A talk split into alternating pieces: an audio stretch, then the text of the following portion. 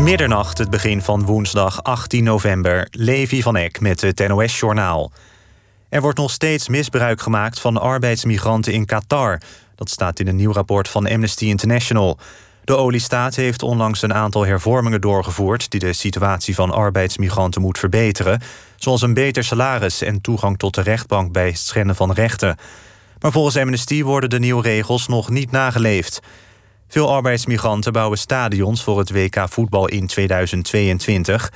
Amnesty roept voetbalbonden op zich uit te spreken over de mensenrechten schendingen in Qatar. De coronamaatregelen zullen waarschijnlijk nog twee maanden van kracht blijven. Dat zeiden premier Rutte en minister De Jonge op een persconferentie. Misschien wordt begin december wel een versoepeling voor de feestdagen bekendgemaakt. Vanaf 1 december kan voor sommige mensen de quarantainetijd worden verkort. Wie contact heeft gehad met iemand die besmet is, kan zich vijf dagen later laten testen, ook zonder klachten. Bij een negatieve uitslag is de quarantaine voorbij. De Palestijnse autoriteit wil weer samenwerken met Israël.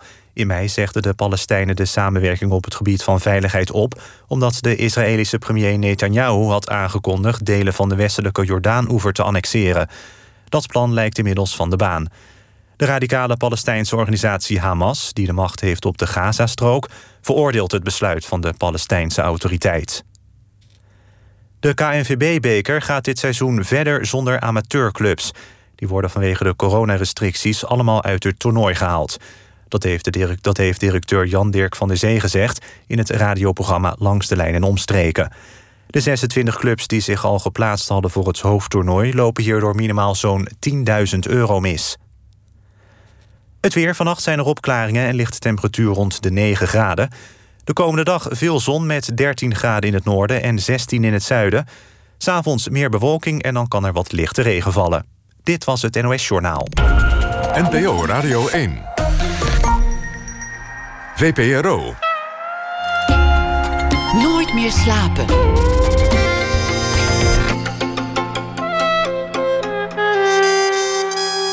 Met Pieter van der Wielen. Goedenacht en welkom bij Nooit meer slapen. Het hart is gestopt, de hersens zijn al dood.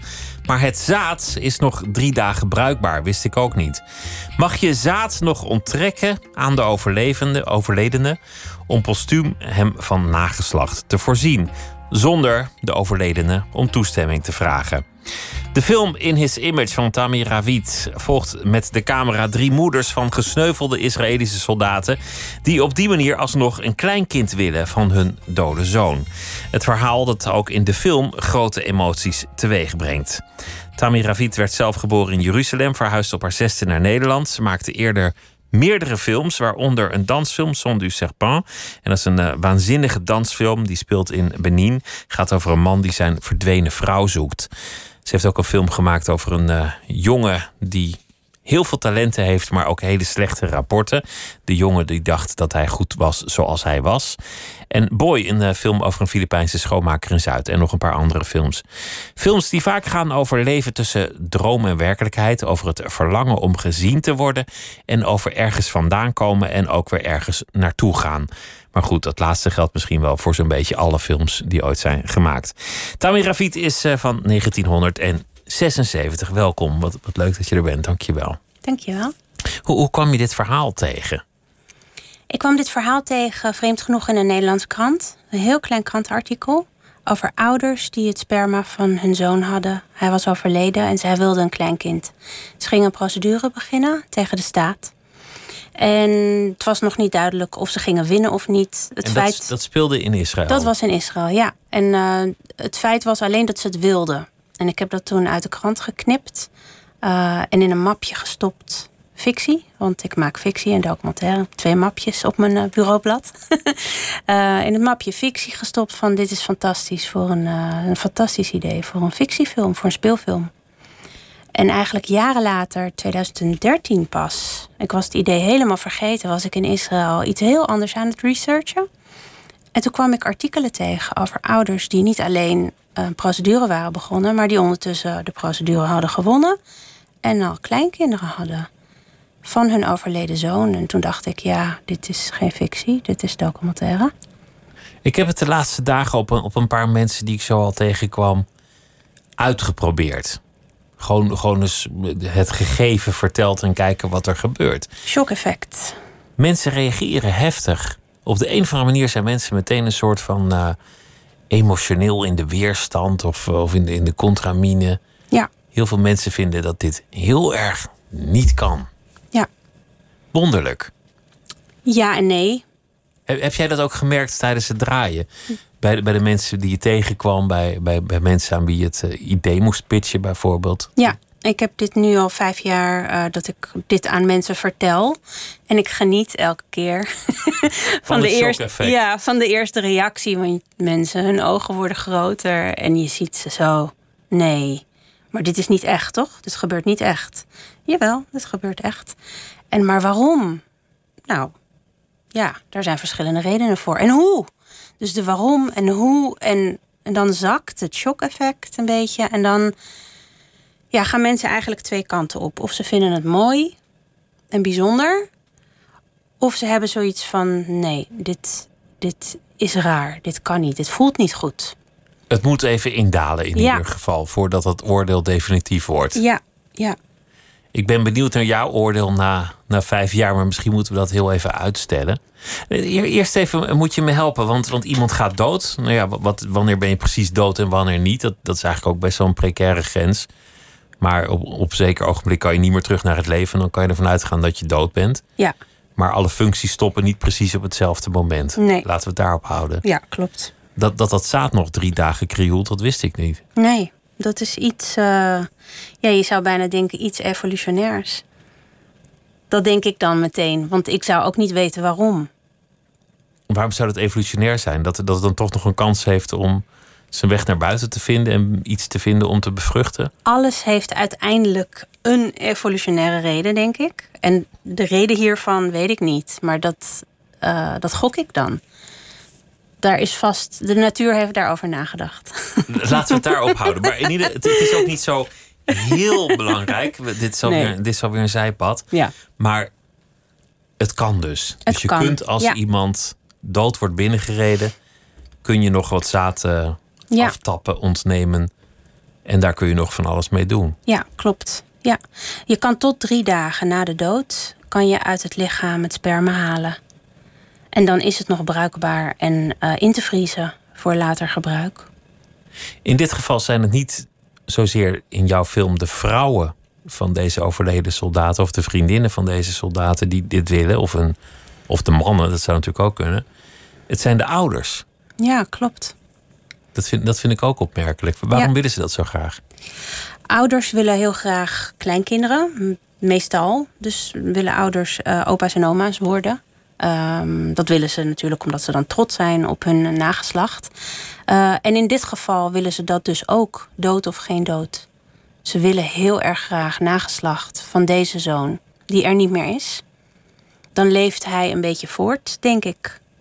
Een soort compensatie voor het verlies van, van het kind. Een nieuwe generatie. Er zijn mensen die daar zo over denken, compensatie. Maar ja, kinderen worden nou eenmaal gemaakt omdat mensen ze willen. Wat de reden is dat mensen kinderen willen, dat verschilt soms van mens tot mens. Maar in principe willen mensen nageslacht. En dat valt moeilijk te rationaliseren. Kan je Ja. zeggen, waarom wil je nageslacht? En ja, dan ben je, ben je zoek. Dan ben je echt zoek, want dat is een enigma waar ik de laatste vijf jaar ook heel veel over heb nagedacht. Waarom willen mensen dat eigenlijk? Wat is eigenlijk voortplantingsdrift? En wat is eigenlijk voortplantingsdrift over een generatie heen? Ja, en dan ga je echt nadenken ook over dingen van wat is familie? En waarom voel je je verwant met iemand die dezelfde genen heeft? En eh, waarom is familie belangrijk en niet eh, je buurman of een vriend? Waarom zijn genen belangrijk? Waarom is het belangrijk dat je genen doorgaan? Wat mij het ethisch onderscheidende lijkt in deze kwestie... is dat niemand iets vraagt aan de gesneuvelde. Klopt. Dat lijkt me het grote verschil met heel veel andere ethische kwesties. Als ik nu naar een spermabank ga en, en iets afsta... en even later door bus 16 wordt geschept en het niet overleef... dan wordt dat zaad heus nog wel gebruikt. Het grote verschil is dat, ja, dan ben ik ook dood... en dan kan ik ook jaren later nog een kind krijgen... zonder het te weten, maar dan heb ik tenminste op het moment van afstaan toestemming gegeven. Ja, er zijn ook een heleboel mannen die bijvoorbeeld toestemming geven om hun zaad te gebruiken voor een kind wat ze nooit leren kennen. Dat vinden we heel normaal. Dus de- we zijn er niet zo heel ver vandaan verwijderd. Behalve die toestemming van, van de soldaat. Ja. Hoe, hoe, hoe denken die mensen daarover die, die dit zo graag willen? Je bedoelt de ouders? De ouders, ja. Nou, ik denk dat zij daar heel positief tegenover staan, anders zouden ze dit niet doen. En um, wat ik uit gesprekken heel veel heb begrepen, is dat zij echt overtuigd zijn dat hun zoon dit had gewild. Zij denken dames hem te kunnen spreken. Ja, zij zijn ervan overtuigd. Dus er is geen vraagteken of hij kinderen had gewild of niet. En ik denk dat je daar meteen ook soort van balanceert tussen de cultuurverschillen. Uh, hier is alles veel individualistischer. En zouden we veel eerder inderdaad nagaan van had hij dit gewild, had hij dit niet gewild. In een land als Israël, waar kinderen eigenlijk niet per se een keuze zijn, maar um, ja, een, een ja, hoe zeg je dat? Eigenlijk gewoon, hè, normaal. Het hoort erbij. Het is niet een, het is niet een vraagteken. Um, daar begrijp ik dat ouders sneller denken: hij had dit gewild, hij had kinderen gewild. Het is vanzelfsprekend dat je kinderen had gewild. En het is per definitie een tragedie om te sterven zonder dat je kinderen hebt gekregen. Ik denk dat dat het grote idee is, ja, wat erachter schuilt. En um, ja, daar kan je dan ook weer van mens tot mens nuances in vinden. Maar bij deze ouders um, ja, staat dit gewoon echt boven water. Dit is wat hij had gewild. Was het makkelijk om die mensen uh, zover te krijgen mee te werken? Was het zo dat ze eager waren om voor de camera te verschijnen? Of was het toch een, zo'n persoonlijk onderwerp dat je echt moeite moest doen? Um, er zijn gezinnen geweest die meteen wilden. Uh, bijvoorbeeld het gezin um, die eigenlijk nog steeds vecht om dat kleinkind. Dus die de rechtszaak hebben verloren en die geen kleinkind mogen maken. Zij waren heel eager, want ja, elke media-aandacht die ze krijgen is natuurlijk goed voor hun zaak. Kan de zaak helpen? Ja, en de andere twee gezinnen, dat was veel moeilijker ja, daar heb ik echt uh, mijn charme moeten inzetten. Hoe, lang, hoe lang heeft dat gedaan? Um, je bedoelt hoe snel ja, ik ze... Ja, je, je, zei ik ben vijf jaar geleden al begonnen. Ik ben al vijf jaar met dit onderwerp bezig. Ja, het eerste gezin had ik eigenlijk denk ik na een half jaar gevonden. En ik was eigenlijk van plan om de hele film over hun te maken. Uh, zij stonden echt op het punt om naar het Hoge Rechtshof te gaan. Ze hadden al een vrouw gevonden die wilde. Uh, en toen hebben ze in de hoger beroep, hebben ze het, of in beroep hebben ze verloren bij het Hoge Rechtshof. En toen was eigenlijk mijn verhaal weg. En toen ben ik opnieuw gaan zoeken. En uiteindelijk heb ik besloten om drie families te kiezen. En de tweede en derde familie, ja, dat heeft echt nog twee jaar geduurd. Voordat, voordat... ze zeiden van oké, okay, ik ga met jou in zee. Nou, voordat ik ze had. Want uh, de meeste van de gezinnen die dit doen, doen het in de anonimiteit. Dus het was heel moeilijk om mensen te vinden. En nadat ik ze had gevonden, was het ook wel moeilijk om ze over te halen. En je bent erbij in het hele proces. Dat er, want, want hoe het werkt, dat, dat zaad wordt ontrokken aan een pas gesneuvelde soldaat. Ja. Uh, binnen die drie dagen, nou in een zeer emotionele situatie, zoals iedereen zich kan voorstellen. Jonge man om het leven gekomen bij een training of op een andere manier, of, uh, of, of bij geweld. Daar was ik niet bij, hè? Uiteraard. Dat is jaren geleden gebeurd. Ja, dan is dat zaad ontrokken. Ja. En, en dan ligt dat ergens en dan, dan komt de zaak van we willen dit gebruiken. Ja. En dan meldt zich een moeder die, die op wat voor manier dan ook moeder wil worden, alleenstaand. Is, Ja. is er een in, in, de, in die film. En dan gaan ze samen gaan ze aan de slag. Ja. En jij bent er op al die momenten zo'n beetje bij. Ja, ik heb een paar ouders ontmoet voordat ze die vrouw hadden gevonden. En ik zocht eigenlijk met hun naar een manier hoe kunnen we dit verhaal vertellen, want ze hebben nog geen vrouw. Um, en ik wilde beginnen en zij wilde ook beginnen, maar ja, ze waren nog aan het zoeken. En ze waren daar heel onhandig in. Um, ze hebben geen Facebook en ze hadden niemand om hen te helpen. En ze gingen een beetje rondbellen, dat lukte allemaal niet. Ik had het eigenlijk al een beetje laten gaan. En eigenlijk uh, op een dag dat ik terugging van Israël naar Nederland, belde ik eigenlijk gewoon alleen maar op om gedag te zeggen. En uh, toen zeiden ze van, we hebben een vrouw. Wat- en ze is leuk en, en ze is fantastisch en ze past bij ons en, en ze is mooi en ze is slim en we houden al van haar en, uh, en we gaan beginnen. Het, het wonderlijke is dat je kan natuurlijk als, als, als je bijvoorbeeld als alleenstaande vrouw een, een kind wil krijgen, dan kun je natuurlijk ook gewoon een, een anonieme donor nemen. Ja, wat uh, blijkt na, weet ik veel, wat is het nu, 40 jaar, uh, eh, 50 jaar, dat we uh, vrouwen hebben die alleen een kind op de wereld brengen van een donor, blijkt toch echt een klacht van de kinderen, de donorkinderen, um, dat ze het heel erg vinden dat ze niet weten wie hun vader is. Dus dat ze op straat staan en dat ze om zich heen kijken en dat ze zich afvragen: ben jij het misschien? Ben jij het misschien? Waar komt mijn DNA vandaan? En dat is nu ontwikkeld. Dus we hebben al volwassenen die zeggen dat ze dat vervelend vinden. Dus de hele anonimiteit is ook volgens mij in Europa en bijna alle landen. Um, daar zijn we weer vanaf. Maar in dit geval willen ze specifiek van een man die er al niet meer is. En nog iets specifieker van een soldaat. Ja, want, in, Israël, want in Israël is het wel nog anoniem. Dus in Israël zal het kind nooit weten wie zijn vader is. En nu hebben ze in ieder geval een identiteit. Ze weten uit welk gezin deze donor komt. Ze weten hoe die eruit zag. Ze kunnen naar zijn familieleden kijken. Um, het kind heeft familie aan de andere kant. Dus hulp, praktische hulp, financiële hulp. Er, is een, ja, er zijn opa's en oma's aan de andere kant die klaarstaan om het kind op te halen van de kleuterschool of feestdagen mee door te brengen. Dat is natuurlijk een. Uh, het biedt vele voordelen. Ja, een win-win situatie voor die vrouwen en die ouders. Behalve dat als je de vader wil ontmoeten, dan word je meegenomen naar het kerkhof. Ja, of je krijgt foto's te zien. Klopt. Zij prefereren dit boven dat andere, boven die anonimiteit.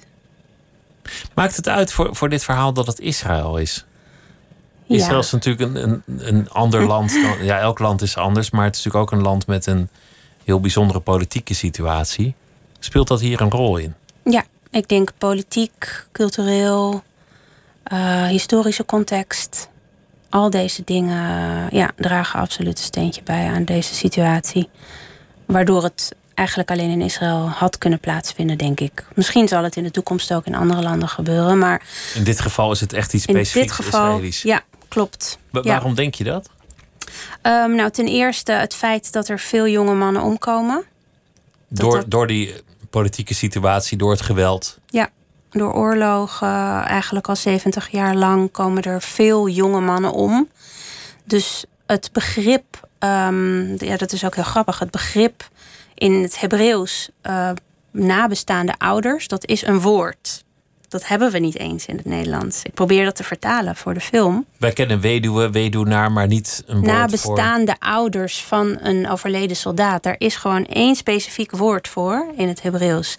En dat betekent eigenlijk al heel veel. Dat betekent dat het in de cultuur en in de politiek en in alles is dat een begrip. Dus deze ouders hebben ook best een speciale status in Israël. Ze krijgen heel veel respect. Ze hebben hun zoon geofferd eigenlijk voor het land. Dus ze krijgen extra empathie. Um, dat, dat laagje zit er overheen. Dat is het eerste. Het andere is denk ik dat Israël een land is waar kinderen heel belangrijk zijn. Geboortecijfer ligt heel hoog. Het is natuurlijk ook een, een, een gedachte van ze hebben geprobeerd dit volk uit te roeien. Nou ja, dat is dus de. best precies. ver gekomen, dus, dus laten, we, laten we zorgen dat dat niet lukt. Ja, ik heb het ook in mijn allereerste synopsis die ik schreef over dit onderwerp, schreef ik ook. Um, nieuwe generaties kweken is de wraak. dus ze hebben ons er niet onder gekregen en daarom zijn kinderen zo belangrijk. Het is natuurlijk niet alleen de Holocaust, het is een ja, eeuwenlange vervolging die Joden overal in de wereld hebben ervaren en die ze vooral niet zijn vergeten. En dat niet vergeten, dat is ook heel erg belangrijk in de film. Herdenken, niet vergeten. Niet vergeten wat, wat er is gebeurd met het volk. Niet vergeten wat er is gebeurd in de geschiedenis. Um, en ergens daarin, het is natuurlijk een cultuurhistorisch iets, maar als je doordenkt, een volk wat overeind wil blijven, moet zich voortplanten. Dat geldt voor ieder volk. Dat geldt voor ieder volk. Ik vind het eigenlijk een heel universeel iets. Als je ziet in Europa, we zijn aan het krimpen. We zijn behoorlijk aan het krimpen. Nederland heeft een geboortecijfer van 1,6 of zo. Net, um, net, iets onder de vervangingsgraad. Ja, dus we blijven niet in stand. De, de hoeveelheid Nederlanders die er nu is, die krimpt. Nou, in de geschiedenis heb je gezien een volk wat krimpt. Er komt een ander volk die zich uitbreidt en die neemt het over. Dus als je maar blijft uitbreiden, dan blijf je ook sterk. Dit is natuurlijk niet een beleid. Hè. Dit is wat ik nu zeg, is een soort gevoel en uh, iets wat ik er heel erg in lees en zie. Maar ik denk wel dat het meespeelt, absoluut. Er zit ook een element in van, van een ontkenning van de dood. Ja.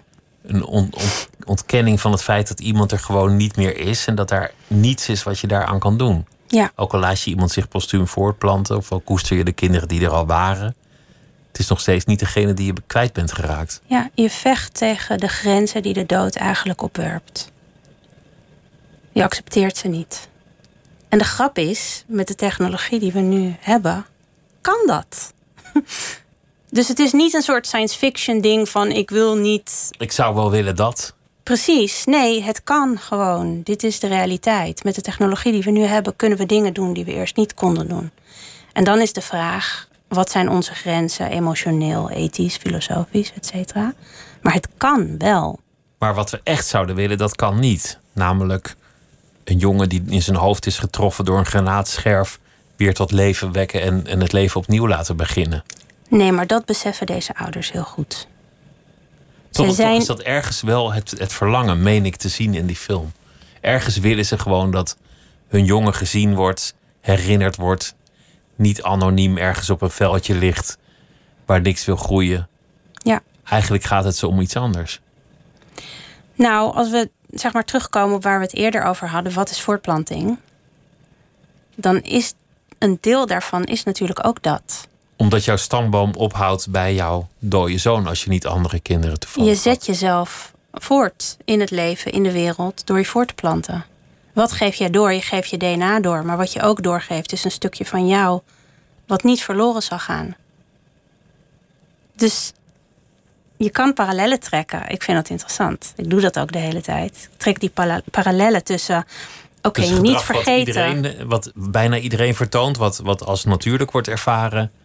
En iets waarvan iedereen ineens bij het eerste gehoor gechoqueerd is. Is eigenlijk iets heel universeels. Als je erop inzoomt.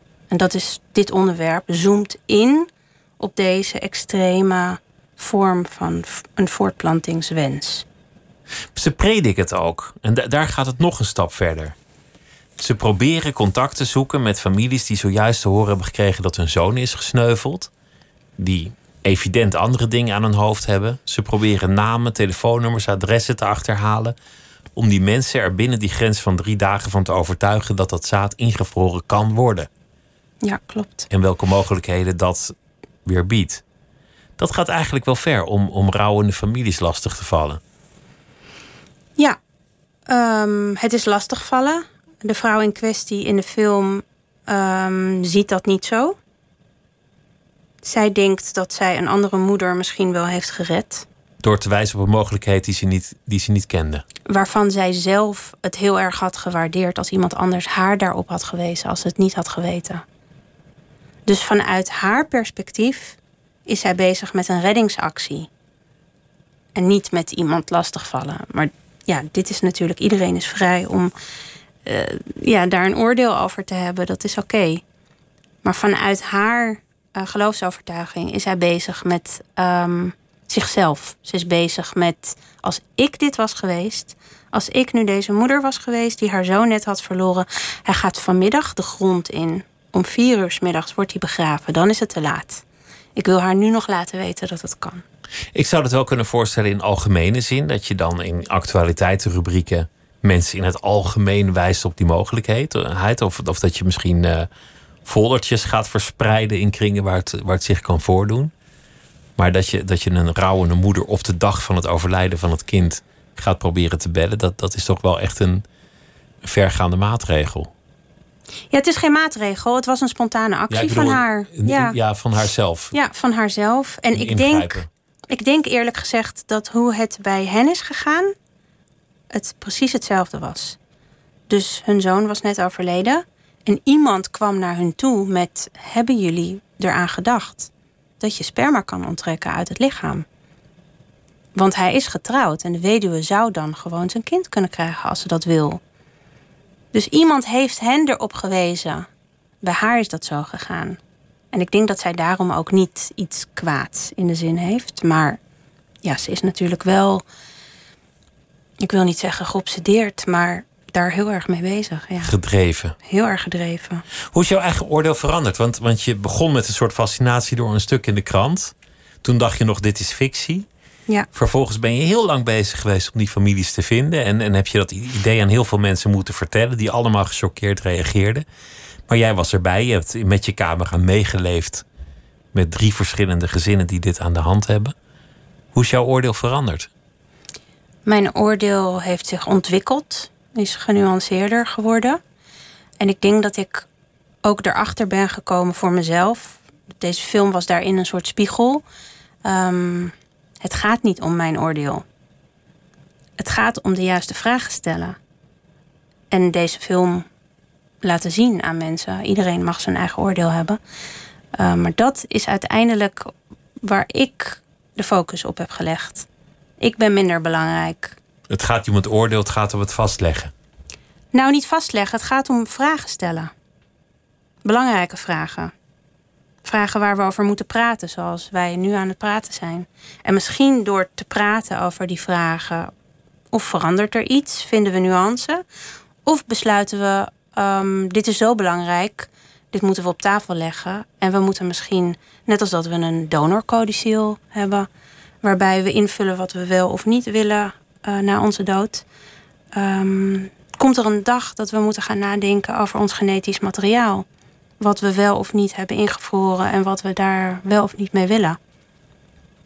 Ik denk dat dat een stap is die gezet kan worden. Dat je moet laten vastleggen dat je ook postuum geen zin in kroost hebt. Ja, Dat ofwel. Ofwel. Ja. Ofwel, ja. ja. Ik wil met je praten straks over, over je andere werk en over eh, jouw eigen bestaan. Maar we gaan eerst eh, luisteren naar Marvin Gaye met I Heard It Through the Grapevine.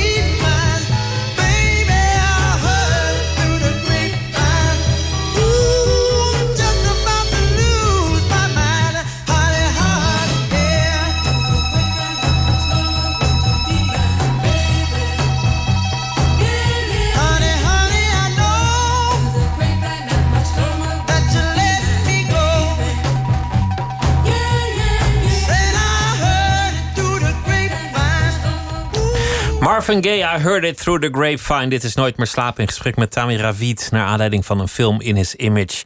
die te zien is op het ITVA Filmfestival. En het ITVA vindt plaats in een heel andere gedaante dit jaar vanwege COVID. En dat uh, is allemaal terug te vinden op de website. En die is weer te vinden via Google of zoiets. Uh, ITVA. En Tammy Ravid maakte die film In His Image uh, in Israël... waar ouders van gesneuvelde soldaten hopen nog een kind te krijgen. Een klein kind van het afgestane, of niet afgestane, maar ontnomen materiaal van hun kind. Van het zaad dat uh, postuum uh, is ontrokken aan het lichaam. Interessant dat, dat, dat eerst de techniek er is. En daarna het verlangen en daarna de ethiek. Meestal in die volgorde. Iets Ja. wordt mogelijk, iemand bedenkt iets. En dan pas uh, denken mensen, oh nou, dat zou ik eigenlijk wel willen. En dan komt de verontwaardiging of juist niet. Dat gaat steeds vaker gebeuren, denk ik, in de toekomst. Want de technologie gaat heel hard. En wij, en vooral die mensen aan wie het vertelt, die zo gechoqueerd zijn, denken nog steeds in vader, moeder, kind. Vader, moeder, paren, kind. Ja, Om het helemaal dat, ouderwets te maken. ja, dat is zeg maar de, de ideale driehoek. En ehm, ja, nu zijn er andere opties. Al heel lang zijn er andere opties. Een homostel met een kind, een draagmoeder, een eiceldonatie, et cetera. En dit komt er nu bij. Stel je voor dat je in de toekomst gewoon naar, naar het kerkhof kan gaan, naar het graf van een, eh, van een genie, van Chopin, ik noem maar wat. Beetje graven, DNA uit het, uit het bot schrapen en dat iemand daar dan nog iets van kan maken. En dat je kan zeggen, nou, ik wil, ik wil een kind van Chopin. Ja, Het, klinkt nu nog, het is nu nog totale onzin hoor, wat ik zeg, maar op een dag zal zoiets misschien wel kunnen. Ja. Kijk, in Israël is de wet zo dat om iets te kunnen, ehm, moeten twee van de drie partijen ehm, baas zijn. Wat houdt dat in? Dus je hebt sperma, je hebt de ouders van de overledene soldaat en je hebt eh, de vrouw die zwanger raakt. Twee van die partijen moeten aanwezig zijn. Wil deze driehoek doorgaan? Dus je mag bijvoorbeeld niet met dat sperma van je zoon een eiceldonatie van een andere vrouw en dan een draagmoeder. Dat mag niet. Ze hebben echt eh, beperkingen eraan gelegd. Dus er is wel nagedacht over wat jij nu zegt. Laten we naar het graf van eh, een beroemd iemand gaan en diegene klonen. Dat is namelijk klonen. Dat kan niet. Wat wel kan is voortplanten. En daar moet dan een moeder aanwezig zijn die de moeder zal zijn van dat kind. En deze constructie is puur goedgekeurd uiteindelijk omdat die moeder in het spel is. Omdat hij dan partij is vanaf dat moment. Omdat er een moeder is die dat kind opvoedt en die eigenlijk eh, donor eh, sperma krijgt toegewezen. In plaats van dat ze naar de spermabank gaat. Deze constructie heeft het mogelijk gemaakt dat dit wordt toegewezen. Als ouders, ik heb één stel ontmoet in mijn research. ehm, die hadden het sperma van hun zoon. Die wilden dus inderdaad een eicel eh, kopen ergens in eh, Georgië. En dan wilden ze een draagmoeder en dan wilden ze het kind zelf opvoeden. Dus ze wilden eigenlijk hun eigen kleinkind als kind opvoeden. Dat heeft de rechter afgewezen. Dan mis je één partij. Je mist de moeder. Het gaat echt om een moeder die in het spel is en die fungeert als moeder. Is er iemand die eh, ja, een echte moederrol heeft en biologisch ook de moeder is. En dan zal je dus als kind nooit weten of jouw vader jouw moeder leuk heeft gevonden. Want Nee. hij was er al niet meer toen zij in beeld kwam. Klopt, maar dit is natuurlijk niet de eerste constructie eh, die dat heeft. Dat is ook weer waar. La- Laten we het hebben over jouw eigen eh, bestaan. Want, want je bent geboren in Jeruzalem en je was zes toen je naar Nederland kwam. Klopt. Eh, zes, dan, dan heb je wel een paar jeugdherinneringen, maar het is ook nog niet dat, dat je elk detail waarschijnlijk weet. Nee. Wat, wat weet je er nog van? Ik weet niet meer hoe ik hier terecht ben gekomen en hoe dat voelde. Maar ik heb een paar ja, eerste herinneringen, bijvoorbeeld in de klas. Dat ik, in, ik kwam meteen in de eerste klas. We kwamen hier aan, volgens mij echt de volgende dag of een paar dagen daarna zat ik al in de, in de eerste klas. En ik weet nog dat er een hele klas was met kinderen en een juf die Nederlands sprak tegen die kinderen. En ja, ik verstond het niet. En ik verstond maar één woord en dat was meisje. Want ik had ehm, in Israël wat lesjes gehad, Nederlandse woordjes. En eh, meisje was er één van. dus dat is het enige wat ik, eh, wat ik hoorde, wat ik kon distilleren uit die hele brei van Nederlands. Dat lijkt me best wel een nachtmerrie om in een klas te zitten waar je totaal de taal niet verstaat. Ja, ik kan me dus echt niet eh, herinneren dat dat een nachtmerrie was. Je pakt het wel op. Ik denk dat het aanpassingsvermogen van een kind extreem groot is. Ik heb begrepen van mijn moeder dat ik binnen een paar maanden Nederlands sprak. Dat ik echt iets van twee maanden, drie maanden heb gezwegen. Dat iedereen zich zorgen maakte van, oh oh, het gaat niet goed. Uh, waarom praat ze niet? en, uh, en dat ik opeens na drie maanden vloeiend uh, sprak. Dus ik denk, ja, een kind is als een spons. Hè? Die observeert, neemt alles in zich op. En ja, toen ik er klaar voor was, ging ik waarschijnlijk praten. Wat mooi dat je pas gaat spreken als je je les kent. Dat je, dat je eerst wacht tot je er klaar voor bent. En dan denk je, oké, nu, nu, nu lukt het, nu ga ik praten. Ja, waarschijnlijk heb je een soort zelfvertrouwen wat je aan het opbouwen bent als kind. Om dat aan te kunnen. En um, ik herinner me dus niet dat het vervelend was. Of um, nee, ik ging wel meteen naar een Joodse school. Ik denk dat dat heel erg heeft geschild. Want daar lopen ook leraren rond die Hebreeuws spreken. Dus die konden voor mij vertalen. Of misschien kwamen die er wel af en toe bij zitten om dingen voor mij te vertalen. Ik weet het niet. Ik weet het allemaal niet meer. Maar ik denk dat dat de overgang wel soepeler heeft gemaakt. Wat was het voor migratie? Waren je ouders van plan om zich definitief hier te vestigen? Of was het een tijdelijke migratie? Nee, het was tijdelijk. Ik ben hier gekomen met mijn moeder en mijn zus. Uh, mijn moeder die deed een uh, postdoc, een jaar in het buitenland. Dat was hier. Ze deed onderzoek.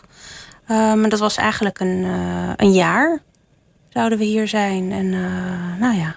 Het liep anders. het liep anders. Waarom ja. liep het anders? Um, nou, mijn ouders waren gescheiden. En uh, mijn moeder had het hier eigenlijk wel naar de zin. En die had goed werk. En ze kreeg een baan aangeboden. En het contract werd steeds verlengd. En ze was ook verliefd. En uh, ja, we zijn gebleven. Nou, zie daar. Hoe was zo'n Joodse school in die tijd? Want, want het is nu best veel in het nieuws. Dat, dat, er, dat er bewaking is. Dat, dat er oh, dat was toen van, ook. Dat was altijd. Dat, dat is altijd al ja, zo geweest. Ja, we zaten altijd met de gesloten hekken en een bewaker. Ja, dat was standaard. Ik ken niet anders. Ik vond het ook niet raar. Dat was eigenlijk heel gewoon. Dat, dat je, was dat heel je erg een, normaal. Ja, ja. dat heb ik nu pas. Zat. Ja, heb ik nu pas als ik inderdaad naar het nieuws kijk en dingen die zijn gebeurd in België, Frankrijk, dat ik denk: oh, daarom hadden we een bewaker. dat had ik toen echt niet door. Dat vond ik echt, ja, je hebt gewoon een bewaker. Dat zie je als een conciërge. En er zijn hekken. En je mocht er alleen in als je was aangemeld. Dus vreemde mensen konden de school niet in.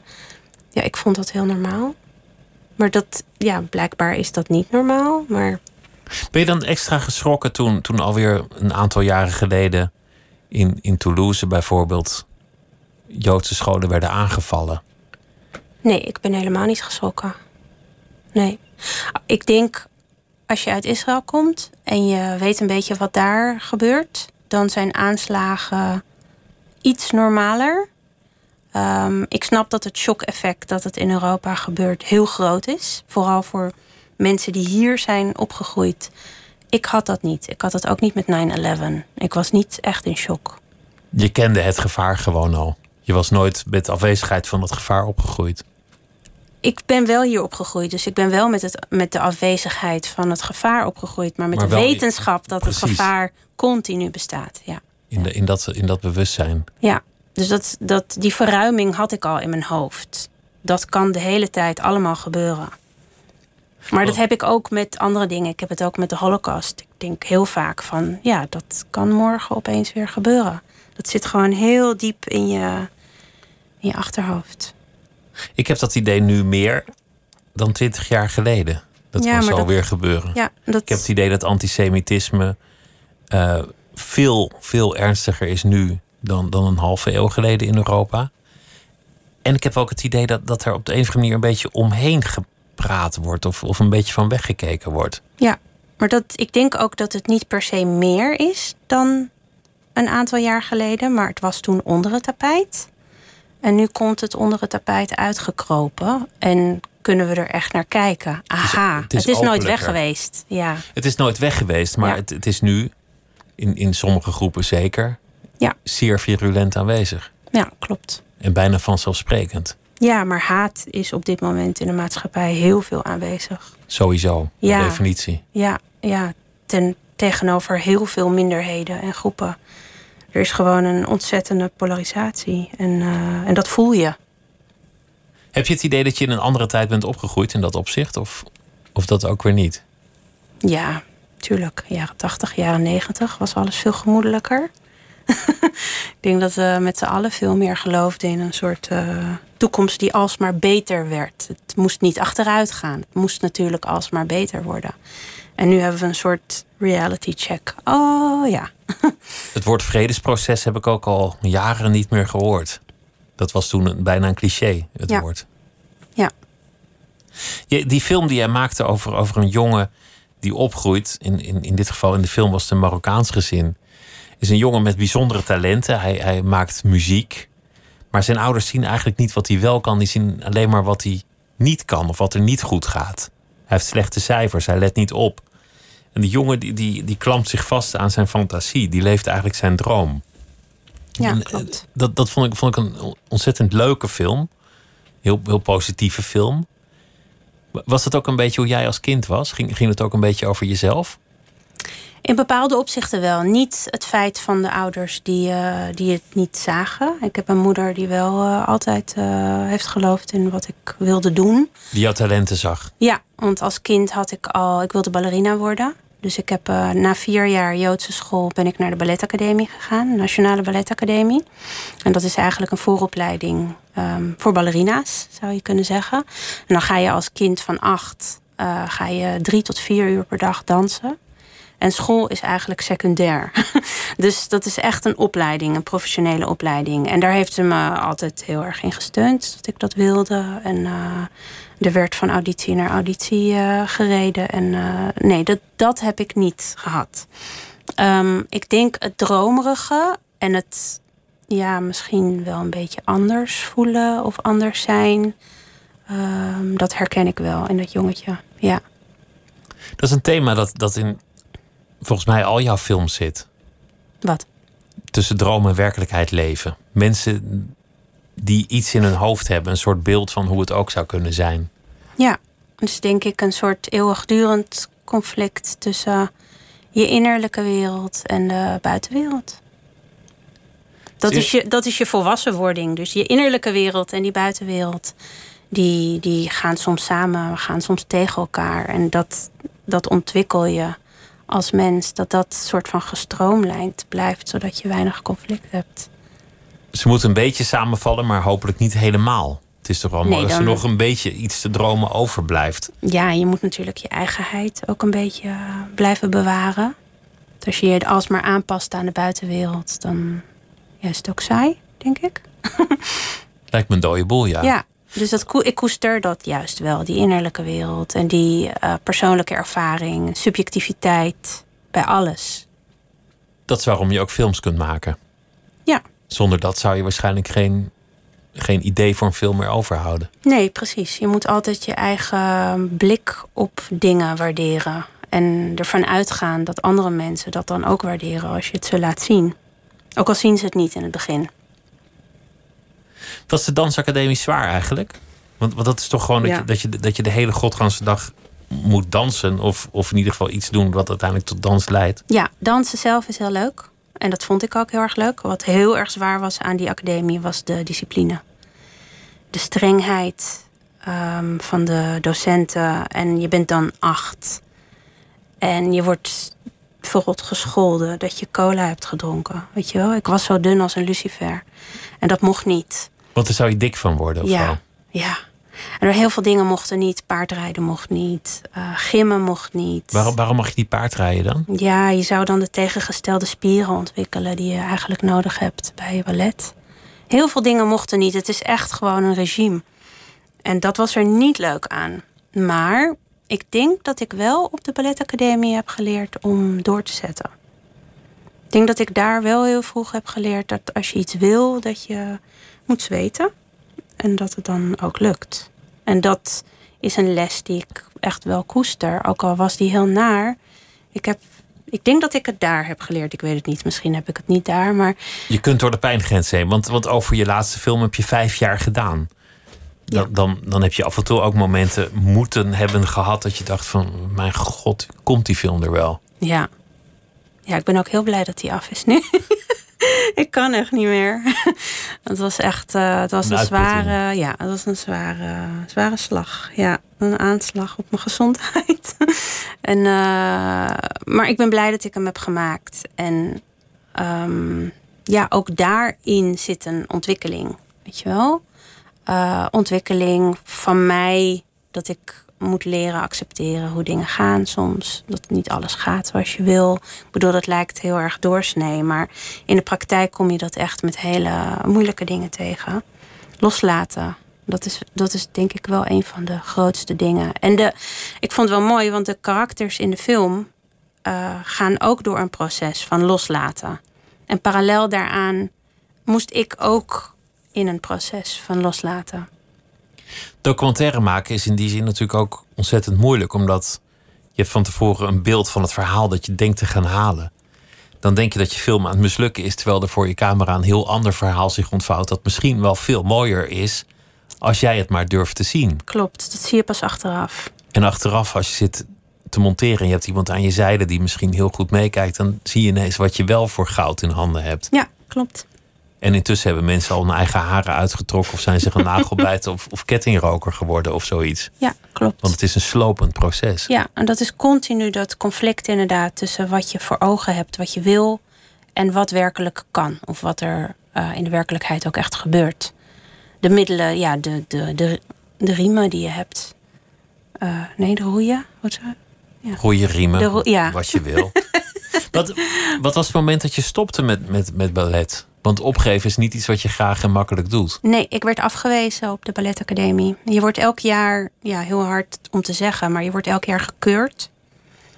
Ehm, je lichaam, je techniek. En mijn knieën stonden te veel naar binnen. Mijn heupen stonden waarschijnlijk ook een beetje te veel naar binnen. En dat hadden ze eigenlijk al eh, vanaf het begin gezegd. Van jouw lichaam is niet optimaal voor ballet. Maar aangezien je zo klein bent en je nog in de puberteit gaat. En we willen even kijken hoe het zich gaat ontwikkelen. Maar je wordt heel erg nauw gemonitord. En elk jaar is er weer een auditie om naar het volgende jaar te gaan. En na twee jaar ben ik afgewezen. Dus dan moet je ook echt van school af. Dat is heel hard. Dan ben je elf. Dan ben je elf en, en al mislukt. Dan ben je elf en je eerste carrière is mislukt. Ja. Ja. Mijn moeder zegt dat, dat, ik, ja, dat mijn hart toen is gebroken. En dat dat eh, nog heel lang... eh, Heeft doorgewerkt. Ja, ik herinner me dat niet zo. Ik herinner me wel een hele grote teleurstelling. Ehm, ja, mijn eerste grote teleurstelling in mijn leven, denk ik. Ja. En dan ga je gewoon naar de middelbare school. Toen ging ik naar de middelbare school en ging ik naar een gewone school. Niet een Joodse school, niet een balletschool, een gewone middelbare school. En daar had ik gewone vrienden en een gewoon leven. En daar werd alles eventjes heel gewoon. Tot je films ging maken. Hoe kwam dat dan toch weer? Ja, ik denk dat ik eigenlijk al rond mijn. Ik, als kind was ik heel erg extravert, denk ik. Maar zoals wel veel kleine meisjes zijn. Ik was heel erg uitbundig. En ik heb ook meegedaan met een mini-playback show. Ik was gewoon heel expressief. Ik vond het heel erg leuk om op het podium te staan. En in de puberteit is dat, denk ik, een beetje veranderd. En eh, ben ik introvert geworden. Of in ieder geval een combinatie van, van die twee. In ieder geval niet meer het extraverte kind wat ik daarvoor was. Ik wist niet eens dat het kan, dat je karakter kan veranderen. Ja, is het karakter of is het temperament? Ik heb geen idee. Maar er, iets is er veranderd. Het veranderde in de puberteit. Enig idee hoe dat kan of hoe dat mogelijk is? Hoe dat verandert? Ja, dat je van, van, van het ene naar het andere schakelt ineens. Hormonen? Oh ja, nou ja. Zullen we daar maar op gooien? Ik heb geen idee. Ehm, maar goed, al die veranderingen ehm, in je lichaam, kijk, waar ik ook heel vaak over heb nagedacht, is dat als je ophoudt met dansen, dan hou je ook op met bijvoorbeeld endorfine aanmaken. Als je heel veel danst, als je heel veel beweegt en je houdt op, dan gebeurt er chemisch iets in je lichaam. Ik weet niet precies wat er gebeurt. Maar het kan zijn dat dat op die leeftijd bij mij gebeurde. Tegelijkertijd kwam ik in de puberteit. Tegelijkertijd ging ik naar een andere school. Dus al die veranderingen samen hebben denk ik iets teweeg gebracht in mij. En, ik werd. je- eh, ja. ja. Dan ben je elf en dan ben je al afgewezen. Maar je hebt tegenwoordig ook kinderen van, van weet ik veel, drie maanden met een leerachterstand. Het- Ja. we, we zijn massaal bezig de jeugd, de jeugd af te nemen. ja, is dat zo? Ja, dat misschien. Die vrees heb ik wel eens. Ja, ja, dat geloof ik wel. Dat is wel iets om, eh, om je heel bewust van te zijn. Veel van je films gaan over, over mensen die er net buiten staan, die, die hun droom leven, maar die ook een wens hebben om gezien te worden. Die, die gewoon een wens hebben dat de anderen eindelijk een keer op de goede manier naar ze kijken. Ja, Dat, dat is ook een mooi thema. Die, die film over de, de moeders die nog een kleinkind wi- willen, die, die gaat eigenlijk ook daarover. ja, klopt. Ze willen gewoon dat hun zoon niet in stilte in de grond is gestopt. Ja. ja, in een bepaald opzicht wel. Dat is dat doorleven, hè? dat niet vergeten. Dat kan je natuurlijk ook zien als niet gezien worden. Als jij dan overlijdt, dan is er niks meer. Dus er moet nog iets gezien worden van jou, letterlijk jouw genen. Dat zou je zo kunnen zien. Het is natuurlijk een, een vertaling die heel subjectief is van mij, maar dat zou je zo kunnen zien. En de film over het jongetje dat, nou ja, dat talenten heeft, maar de ouders zien alleen maar wat hij niet kan. Ja. Als ze hem al zien. Ja. Het is, het is wel een thema dat terugkeert. Ja, zeker. Ik zie het ook wel in een groter thema. Ehm, ja, van hoe, hoe ga je om met je lot? Met de teleurstellingen. Ja, of met dat wat je overkomt. Ga je dat accepteren? Ga je dat omarmen? Ga je er tegen vechten? Eh, ja, dat is iets waar ik zelf ook heel erg mee bezig ben. Moet je de dingen die je overkomen gewoon accepteren en overnemen en zeggen: Oké, zoals een vrouw in mijn film, een van de moeders, is heel erg van: alles wat moet gebeuren, gebeurt. Als het niet gebeurt, dan was dat zo de bedoeling geweest. Nou, ik ben daar jaloers op. Zij is toevallig wel een gelovende vrouw, dus is gelovig. Bij haar komt het uit een godsdienstig ehm, motief dat ze zo denkt. Maar ja, Dat zou je wel willen kunnen. Dat je dat zou kunnen ik zeggen. absoluut willen kunnen. Ja. wa- Wat het lot ook is, het is het beste wat me kan gebeuren. er is iemand die de dingen programmeert. En, ehm, en we hebben ons daarbij neer te leggen. Want zo is het nou eenmaal geprogrammeerd. Dat is goed. Dat lijkt me heerlijk als je dat, eh, als je dat echt gelooft. Volgens mij moet je dat per situatie bekijken. Want, want als iemand het dak niet repareert met dat argument, dan, dan vinden we toch allemaal een lapswans. Nou, de grap is dus juist dat deze vrouw het zaad van haar eh, zoon wil omzetten in een kind. Dus als zij echt gelooft, alles wat God ehm, zo heeft gewild, doet hij. Die vraag is natuurlijk afschuwelijk. Van waarom heeft hij me dan mijn zoon afgenomen? Wat is, wat is de les die ik daaruit moet leren? Dat is natuurlijk een afschuwelijke vraag om, eh, om mee bezig te zijn. Mijn eigen oma heeft toen mijn vader overleed tegen mij gezegd, voor zijn dood. Mijn oma is heel gelovig, mijn oma in Jeruzalem. Voordat hij overleed keek ze me aan en zei ze: Als God mij mijn kind afneemt, dan geloof ik niet meer in hem. En toen dacht ik: Oké, onthouden. Dat is interessant. Jaren later, echt jaren later, eh, toen ze er klaar voor was, want ze heeft eerst tien jaar gehuild, mijn oma, om mijn vader. Dat was haar eerste kind. Jaren later, toen ik voelde dat ze er klaar voor was, hadden we een gesprek. En toen eh, zei ik tegen haar: eh, Geloof jij nou nog steeds in God? Toen zei ze: Ja, tuurlijk, zo ben ik geboren, zo ben ik opgevoed. Waarom niet? Toen zei ik: Van nou, omdat je toen dat had gezegd. Dat als mijn vader zou overlijden, zou hij niet meer geloven. Toen keek ze me aan en toen zei ze: Weet je, het is ook een levensstijl. Ik kan dat niet meer veranderen. Haar geloof, haar godsdienst is een levensstijl. Dus eigenlijk gaf ze toe meer dan een overtuiging.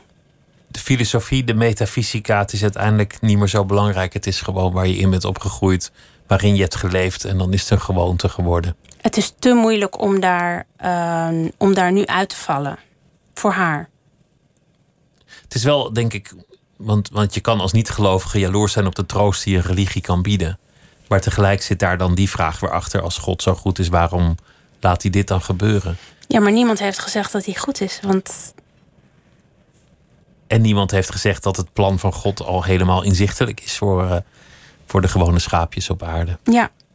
Ik heb de laatste eh, tijd, heb ik, eh, ik maak filmpjes voor de NTR. Het is een programma dat heet Iedereen Verlicht. Het gaat over spiritualiteit.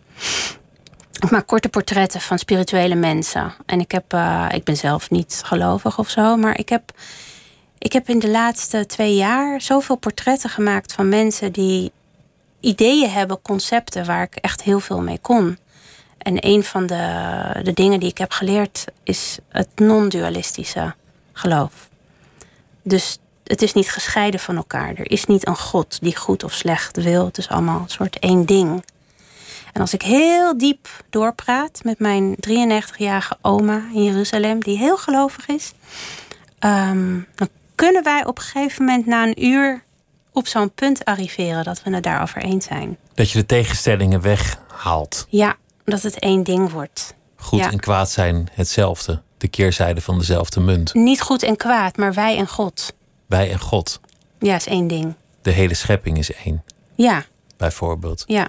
Die, je, je hebt dans geleerd als, als heel jong kind. Je bent afgewezen, maar je hebt wel later een, een dansfilm gemaakt, mede gemaakt. Ja. Son du Serpent. Dat is een, een film opgenomen in, in eh, Benin, was het. In, in Afrika, waar, waar het ook gaat over een man die zijn vrouw zoekt. En het, het is echt een poëtische film. Alles ziet er mooi uit. Het is fantastisch gedanst. Het, het, het beeld is prachtig. Ja, Maar dit gaat eigenlijk ook over dat soort thema's. Althans, dat, dat meende ik eruit te distilleren. ja, en wat grappig is, is dat ehm, de choreograaf, Veri de Geus, die kwam eigenlijk met een soort concept bij mij, met een idee. En we hebben dat samen uitgewerkt. En dat vond ik wel leuk. Toen de film af was, voelde ik inderdaad echt dat ik er toch weer die, die dingen in heb gestopt. die ik altijd overal in probeer te stoppen. Die thema's. De echte hele grote vragen uiteindelijk. Ja, want Waar wat, komen we vandaan? Waar gaan we naartoe? dat is wat jij eruit hebt gehaald. Hoe heb Ja, je dat ervaren? Nou, ik, ik, wa- ik was eerlijk gezegd, voor, voordat dat brein aanging en ging duiden, was ik gewoon betoverd Hmm. door die film en, en door het beeld. En, en pas later ging ik ging proberen dat te duiden. En toen, toen kwam ik eigenlijk hierop uit. Ja, Van, van het gaat over het Ja. gemis. ja En het klopt. proberen iets, iets te lijf te gaan wat helemaal geen zin heeft om te lijf te gaan. Die ongrijpbare dingen. Veranderen of accepteren. Ja, Moet je er tegen vechten of er vandaan vluchten. nou dat lot. Of de optie die je altijd ook open moet houden. Het gewoon totaal ontkennen. Ja, Kan ook gezond zijn. ja. Op een heel intuïtief niveau. Ja, heel intuïtief. En als je dat zo allemaal zou uitdiepen in tekst... dan had je iets eh, onmogelijks gemaakt. Maar, maar in dans kan je dat soms bijna aanraken. Ja, Dat soort thema's. klopt. Ja. Er zit heel veel gevoel in. Hoe, hoe was het trouwens om die, om die film te maken? Want, dat, want het, lijkt me, het lijkt me een ontzettend wonderlijke setting om daarmee bezig te zijn. Ja, het was heel chaotisch. Want jullie filmen ook in de stad, in het, in het drukke verkeer zitten ze. Ja, je moet niet proberen in een paar dagen in Benin eh, En dan die film. een dat- fictiefilm te maken. Want dan kom je om zeven uur. Er zou hier een vrachtwagen staan met een ladder. Waar is de vrachtwagen? Ja, die is er niet. Ja. Oh, oké. Komt die nog? Geen idee. Misschien morgen. Ja, oké, we gaan iets anders doen. en dat de hele tijd, de hele tijd moet je improviseren. Maar dat vind ik ook leuk, want dat, daar komen documentaire en fictie een beetje samen. Als het een film die gaat over het accepteren van het lot. en dan draai je de omstandigheid waarin je de hele tijd elk lot moet accepteren. Anders word je gewoon Ja, eigenlijk wel. geschrift. Ja. ja. Dat op zich al is al poëtisch. Dankjewel dat je langs wilde komen. En ik wens je ontzettend veel eh, succes met eh, de film en met het, eh, met het eh, ITVA Festival. En, eh, Dankjewel. de film heet In His eh, Image. En hij wordt ook volgende week uitgezonden. 24 november om kwart over acht. Op, op welk eh, kanaal NPO dat? 2, NPO 2, bij dankjewel. EO-Docs. Tamir Ravid, dankjewel dat je langs wilde komen. Jij bedankt. En eh, morgen dan komt eh, Guus Dubbelman op bezoek. Hij is eh, foto en hij heeft een boek geschreven over zijn vriendschap met Mohammed Ali. Ali was mijn vriend. En er zitten heel veel nooit eerder gepubliceerde foto's tussen. En zometeen op NPO Radio 1 kunt u luisteren naar Miss Podcast. Dit was Nooit meer slapen voor deze nacht. Een hele goede nacht en graag weer tot morgen.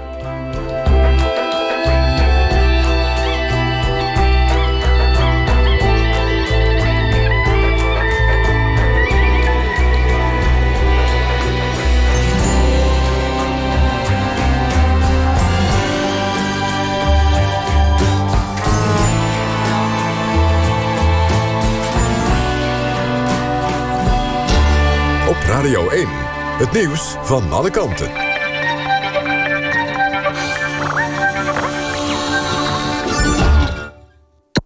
NPO Radio 1.